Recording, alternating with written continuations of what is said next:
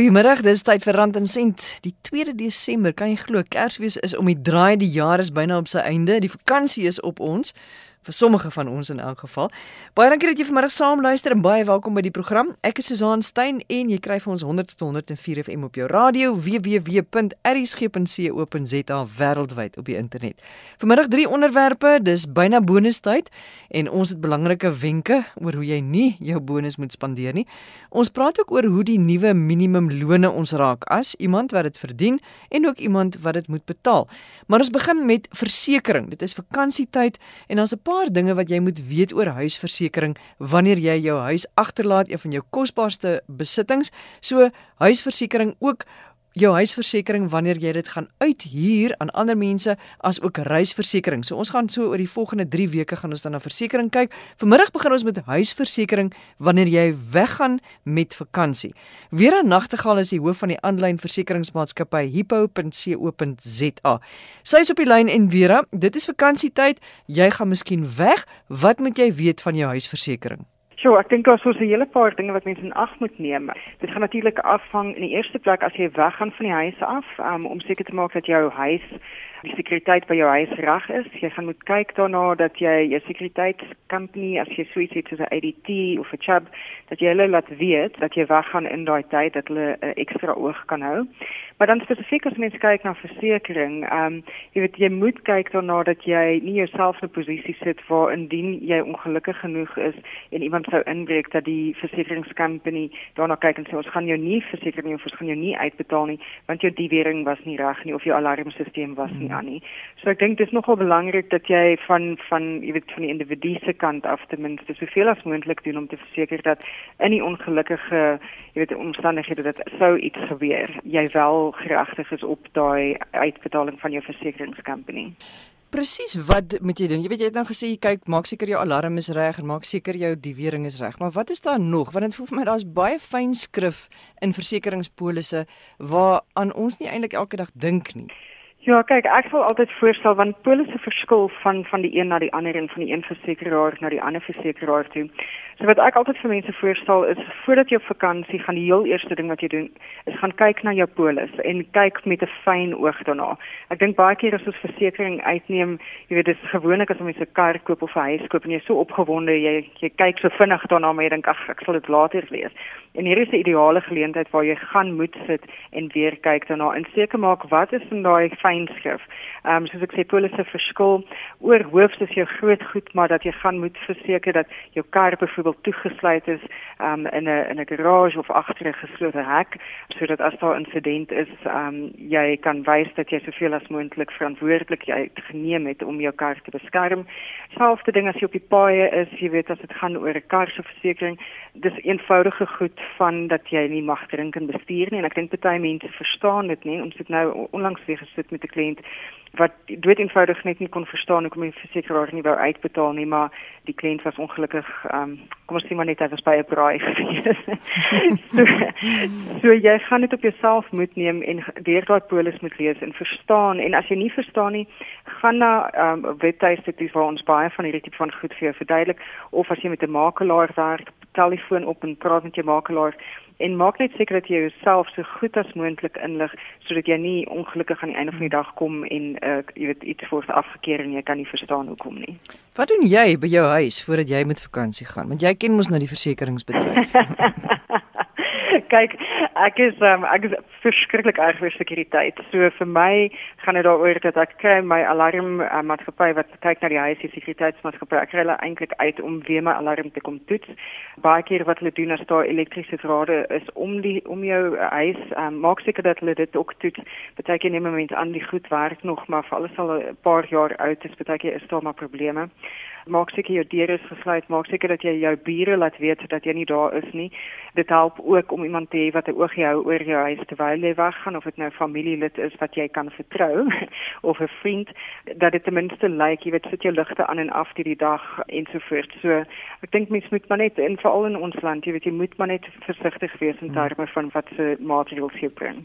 Wat betref die versekerings van jou huisinhoud, as jy net vir miskien vir ons 'n paar wenke daaroor kan gee, want dikwels is mense oorverseker of onderverseker Dis die ding en ek dink weer eens dit gaan oor die hoeveelheid inligting wat jy gee as jy jou polis uitneem of dit nou is jy weet die makelaar en dit of dit is direk by die versekeraar.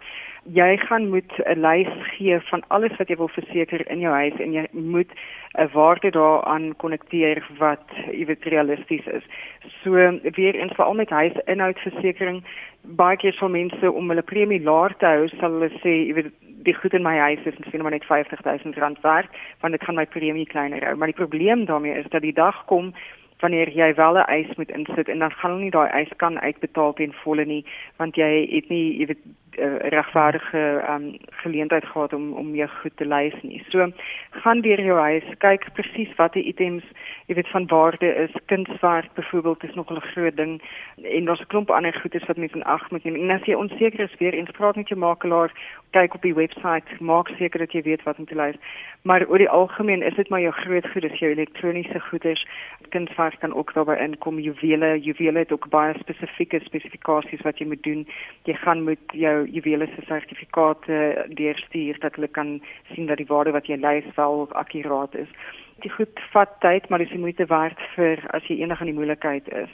Moet ek sekere items soos sien nou maar elektroniese goed soos my skootrekenaar en my juweliersware, as dit by my huis bly, moet ek dit uh, spesiale versekerings gee of alle risiko of is dit net vir wanneer jy dit uitneem? Dit is maar weer eens um, van versekeraar tot versekeraar, maar oor die algemeen is die is die reël dat as jy 'n versekering uitneem, gaan jy dit moet lys.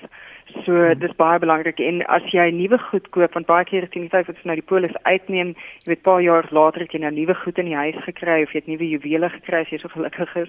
En dit is belangrik dat soos wat jou bates groei of soos wat die huis inhoud groei, jy die hele tyd jou polis op datum bring, want anders sal dit nie uitbetaal nie. En sekerlik ook soos wat jou huis inhoud verminder as jy miskien na 'n kleiner plek toe trek of so. Absoluut, jy's reg. Ehm um, jy weet dit is maar net soos met karversekering, ehm um, met 'n kar as jy 'n kar verkoop en jy koop 'n kleiner kar, gaan jou premie 10 10 en bietjie laer wees. Ehm um, so jy moet konstant soos ek sê, maak net seker dit absoluut akkuraat is en die inligting wat op jou polis is, ehm um, so waar as moontlik is sodat jy nie in die moeilikheid kom nie. Vira maar sê nou maar ek koop nou 'n bank, nou pragtige bank en daar staan hy nou en ek laat hom nou verseker en hy het nou R10000 gekos. Nou kom ek oor 'n jaar kos daai selfde bank dalk nou R15000. Moet ek regtig elke jaar na die winkel toe gaan om te gaan kyk hoeveel hierdie bank opgegaan het of nie? nee, weer eens, jy weet dit hang maar af van item na item. Iets soos soos 'n bank veronderstel ek, um, jy weet gaan nie reg optel in waarde nie, tensy dit nou so 'n antieke stuk is wat met tyd sal sal meer waardevol word maar dan kry jy weer iets soos weet kunststuk wat wel in tyd meer kan waardevol word en daarvoor gaan jy ongelukkig jy gaan dit moet laat waardeer en dan vir jou versekeraar laat weet wat die nuwe waarde is sodat hulle dit kan aan hulle kant ook um, net op datum bring. Maar is, ek dink die belangrikste ding daar is dat jy moet amper soos op 'n uh, op jou komputer met jy vir jou 'n lys gaan maak van al die goederes in jou huis met 'n waarde by en dan elke hmm. jaar dit dit op datum bring. Soos ek sê dit is maar 'n bietjie administrasie maar op die einde van die dag in daai geval sal jy beskerm wees. So jy moet amper jaarlikse gesprekke hê met jou versekeraar.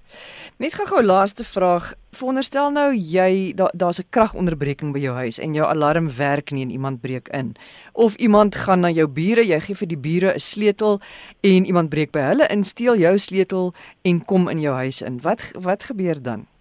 So dit is nog 'n moeilike situasie daai en weer eens verseker versekeraars kyk maar daarna, jy weet op 'n ehm, op 'n individuele basis. Ons sien veral jy weet destyds toe daar nou nog so baie kragonderbrekings was, was daar ongelooflik baie navraag daaroor gewees ek wil amper nie sê daar's soos een reël one size fits all nie. Ehm um, ongelukkig gaan jy gaan moet bewys dat daar 'n uh, uh, krag ehm um, onderbreking was.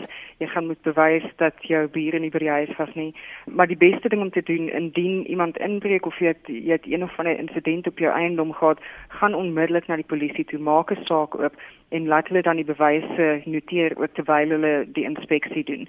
In daai geval het jy die beste manier om dan na jou versekeraar te gaan en sê hiersoos die polisie verslag en jy weet ABNC is gelys daaraan en dan van daar af sal jy onderhandel en jou versekeraar sal 'n besluit moet neem. Baie dankie Vera Nagtegaal, sy is die hoof van die aanlyn versekeringsmaatskappy hippo.co.za. Jy luister na Rand en Sent. Ina Opperman is nou op die lyn. Sy is 'n verbruikerskenner En Ina, dit is bonustyd. Baie van ons kan nie wag om daai geld te vat en te gaan uitgee in die winkels nie, geskenke te koop, miskien iets vir die huis te koop, miskien met vakansie te gaan. En jy sê dit is nou eintlik juis wat ons nie moet daai geld gaan doen nie, uh, moet doen nie om dit sommer net te gaan uitgee nie. Dit is baie meer verstandig om te dink aan wat voor lê na Kersfees. Wanneer jy jou bonus kry en eerder dit te gebruik om planne te maak vir die volgende jaar. So wat sê jy dan moet ons met ons bonus doen? Sal die ideaal sou wees as jy dit kan spaar of belê. Maar net as jy nie ander verpligtinge het so skuld nie. Okay, so gee vir ons 'n lys van goed wat jy graag vir verbruikers sou wou sê wat hulle met hulle bonusse moet doen. Eerstens spaar of belê as jy kan. Andersins die grootste ding wat jy daarmee moet doen is betaal skuld af. En die heel eerste skuld wat jy moet afbetaal is kredietkaartskuld want dit is die skuld wat jy die duurste kos. En as jy jou hele bonus in jou kredietkaart skuld inbetaal, het jy ook daai bedrag dan op jou kredietkaart beskikbaar vir onvoorsiene uitgawes. En daarna, so ek sê moet jy as jy persoonlike lenings het, moet jy hulle probeer afbetaal en dan jou klere rekeninge daarna want uh, die rente hierop is baie hoog en hoe gouer jy dit afbetaal hoe meer spaar jy op rente. En dan as jy nou nie 'n kredietkaart het of klere rekeninge of persoonlike lenings nie, kan jy jou bonus ook in jou huisverband inbetaal. En so seker maak dat jy jou huis vinniger afbetaal. En dit kan jou 'n groot bedrag rente spaar. Want soos jy sê, hoe minder skuld jy het om elke maand af te betaal, hoe meer geld het jy dan vir jouself beskikbaar, het sy of jy dit wil belê of jy dit wil spaar, miskien 'n deel daarvan of 'n deel daarvan wil gebruik. Maar jy sê ook dit is belangrik om as jy nou hierdie skuld afbetaal het van jou, dan moet jy begin kyk na die jaar wat voorlê, 2019.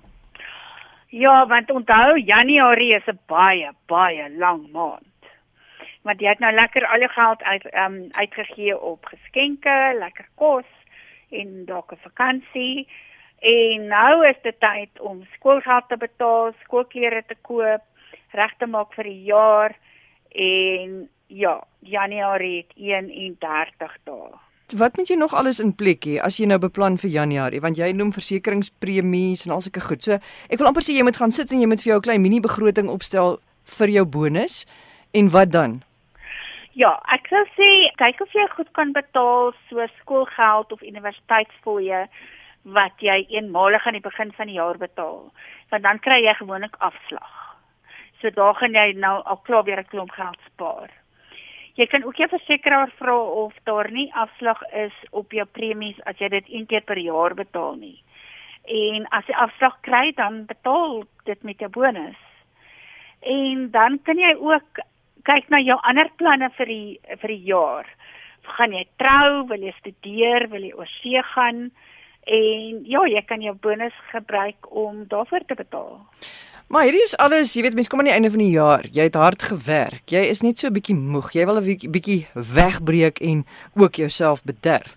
So ja, kan jy nie maar 'n deel van jou bonus daarvoor ook gebruik nie. Ek sou sê solank dit 'n deel van jou bonus is wat jy daarvoor gebruik dis goed om mense ook darm 'n bietjie te bederf, kan maak dit die spaardeel 'n bietjie makliker en lekkerder. Ek sou sê verdeel jou bonus. Jy kan byvoorbeeld 50% gebruik om jou skuld af te los. Uh sê so 30% om voorsiening te maak vir die volgende jaar. En ja, gebruik dan 20% om jouself bietjie te bederf. Ina, nog iets wat jy moet of nie moet doen met jou bonus nie? Beslis nie onmiddellik met jou uh bonus die winkels invaar en net koop vir die vale nie. Jy gaan later baie spyt wees. En enige raad wat jy vir verbruikers het nou hier oor die Kersseisoen en dan ook sommer vir 2019? Ek dink terwyl almal maar baie begaan is oor ons huidige ekonomiese toestand, is dit veel beter om liewer 'n bietjie uh die gordel in te trek en jou beursie maar mooi te bære en jou kredietkaart by die huis te los en nie nog skuld te maak nie totdat ons uh weet dit gaan bietjie be beter met ons ekonomie. En ek dink vir baie mense sal dit nou baie slegte nuus wees en baie mense voel negatief en bedruk daaroor. Maar Ina, ek weet nie van jou nie. Ek dink altyd, jy weet as die ekonomie druk, is dit miskien 'n baie goeie tyd vir ons almal en ons kinders om te leer kan nie altyd goed gaan nie en om miskien ander maniere te vind hoe ons hierdie Kersseisoen vir ons die moeite werd kan maak. Jy weet sonder om noodwendig geld te gaan uitgee. Jy is heeltemal reg. Weet jy geld het so oorgeneem by tyd.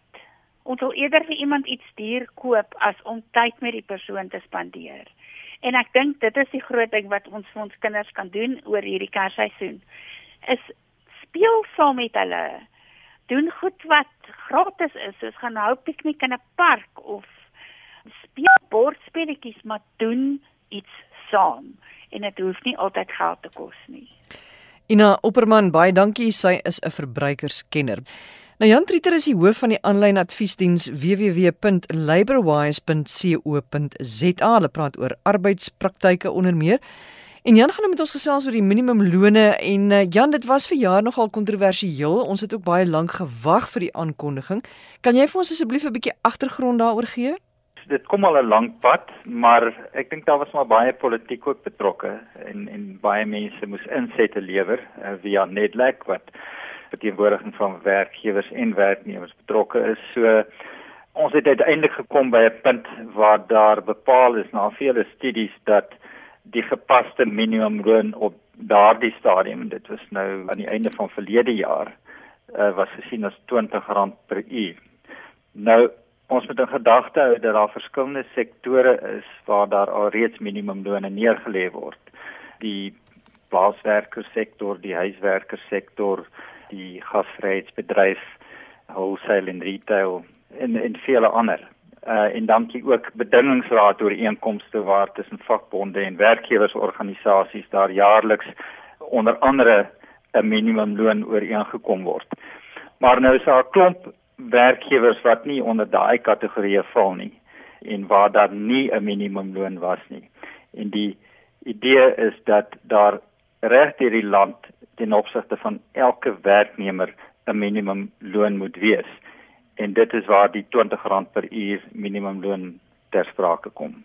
Jan, so wat is nodig vir ons om vanmiddag te weet die persoon wat dalk die ontvanger gaan wees van hierdie minimumloon asook die persoon wat hierdie minimumloon gaan moet betaal. Wel, ek dink die eerste ding wat ons moet weet is dat as daar 'n sektor is waaronder ons val, dat ons eers daar moet kyk wat op ons van toepassing is.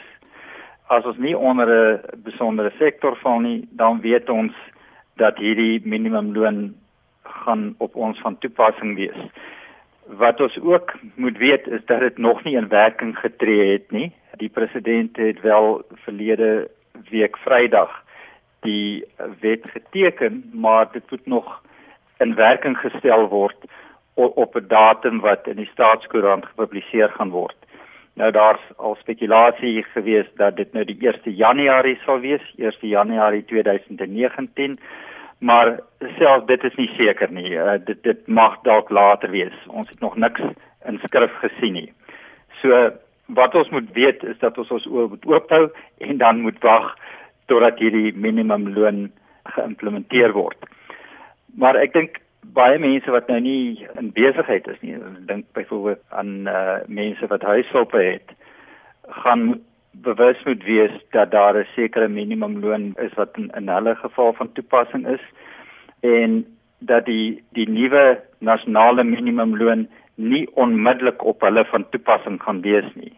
Daar gaan 'n periode van ongeveer 2 jaar wees voordat die minimumloon op hulle van toepassing gaan wees. Maar die minimumloon is is is R20 per uur, maar in die stadium as ek reg is, is dit vir huiswerkers of huishulpe R15 per uur. Ja, dit hang af uh, van 'n paar dinge, dit hang af van die gebied waarin die uh, persone diens geneem word.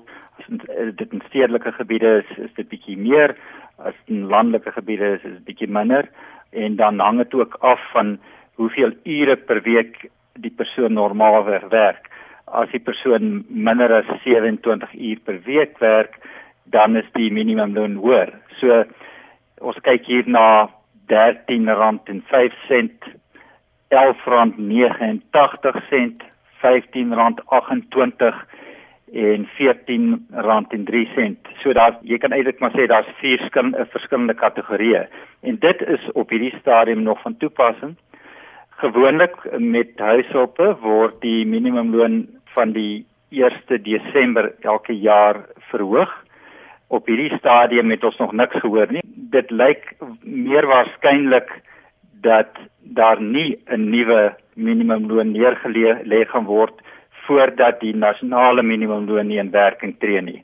Want deel van die nasionale minimumloonwet het te maak met huishulpe en plaaswerkers. So daar word dan ook spesifiek in 'n aanhangsel tot daai wet verwys na daardie besondere werknemers.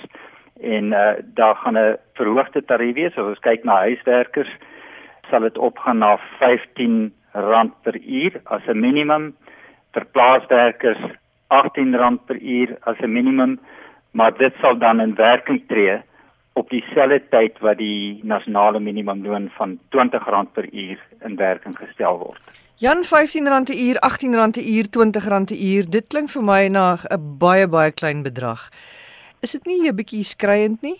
Dit is 'n bietjie skreiend. Uh, ek dink meeste mense betaal hulle huishulp heel wat meer as die minimum selfs die R20 minimum wat neergelê gaan word. Maar daar is baie mense wat dit nie kan bekostig nie en ek dink die vrees lê daar dat in huishoudings waar mense maar swaar trek dat huishulpe uit diens gestel gaan word. So die hele ding moet maar gebalanseer word. Jy weet of jy kry niks of jy kry dan ten minste die nuwe R15 per uur. Ek weet dit is bitter min en mense wonder hoe mense daarop kan oorleef. Maar dit is ten minste minder as niks. Dat ten minste meer as niks. Want dit is die probleem nê, baie mense sê ja, daar moet 'n minimumloon wees om werkers te beskerm. Ander mense sê weer nee, daar moenie 'n minimumloon wees nie, want dan kan werkers hulle hulle werk verloor. So dit is 'n dit is 'n moeilike situasie, is dit nie? Ja, nee, dit is 'n baie moeilike situasie en as uh, baie filosofiese debatte rondom dit.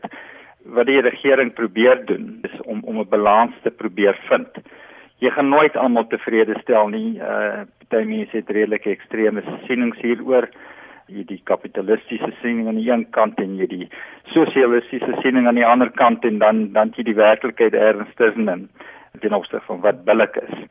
Maar ek dink daar is ten minste nou riglyne, daar is 'n minimum.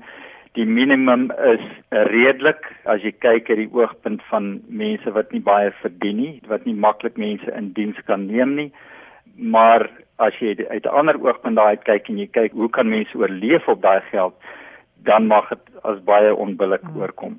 Laaste boodskap wat jy miskien vir luisteraars het? Ek sou vir luisteraars aanbeveel dat hulle maar net hulle self bewus maak van wat op hulle van toepassing is. As ons kyk na huishulp byvoorbeeld, wees bewus daarvan dat daar binnekort 'n minimumloon van R15 per uur gaan wees en berei jouself daarvoor voor dit kan die 1 Januarie wees, dit kan dalk in April volgende jaar wees, dit kan dalk later wees, maar wees bewus daarvan sodat jy nie onverhoeds betrap word nie. Das hy Jan Trieter baie baie dankie. En uh, dit is dan ons program vir vandag. Onthou, een van die beste Kersgeskenke wat jy vir jaar vir iemand kan weggee is ons Rand en Sent boek. Dit is beskikbaar by Exclusive Books, Bargain Books, asook aanlyn by Takealot en Loot. En daar is enige iets in daai boek van hoe om 'n onderneming te begin tot die opstel van 'n testament, hoe kan jy spaar, selfs goedkoop eetwenke. So jy kan uh, gerus dit gaan af of liewer aanskaf vir iemand spesiaal se Kerskous.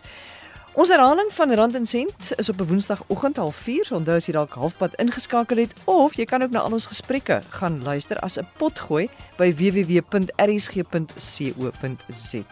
Ek groet ons hoop is 'n baie goeie en voorspoedige week vir jou en ek praat weer volgende Sondagmiddag met jou. Lekker week vir jou. Totsiens.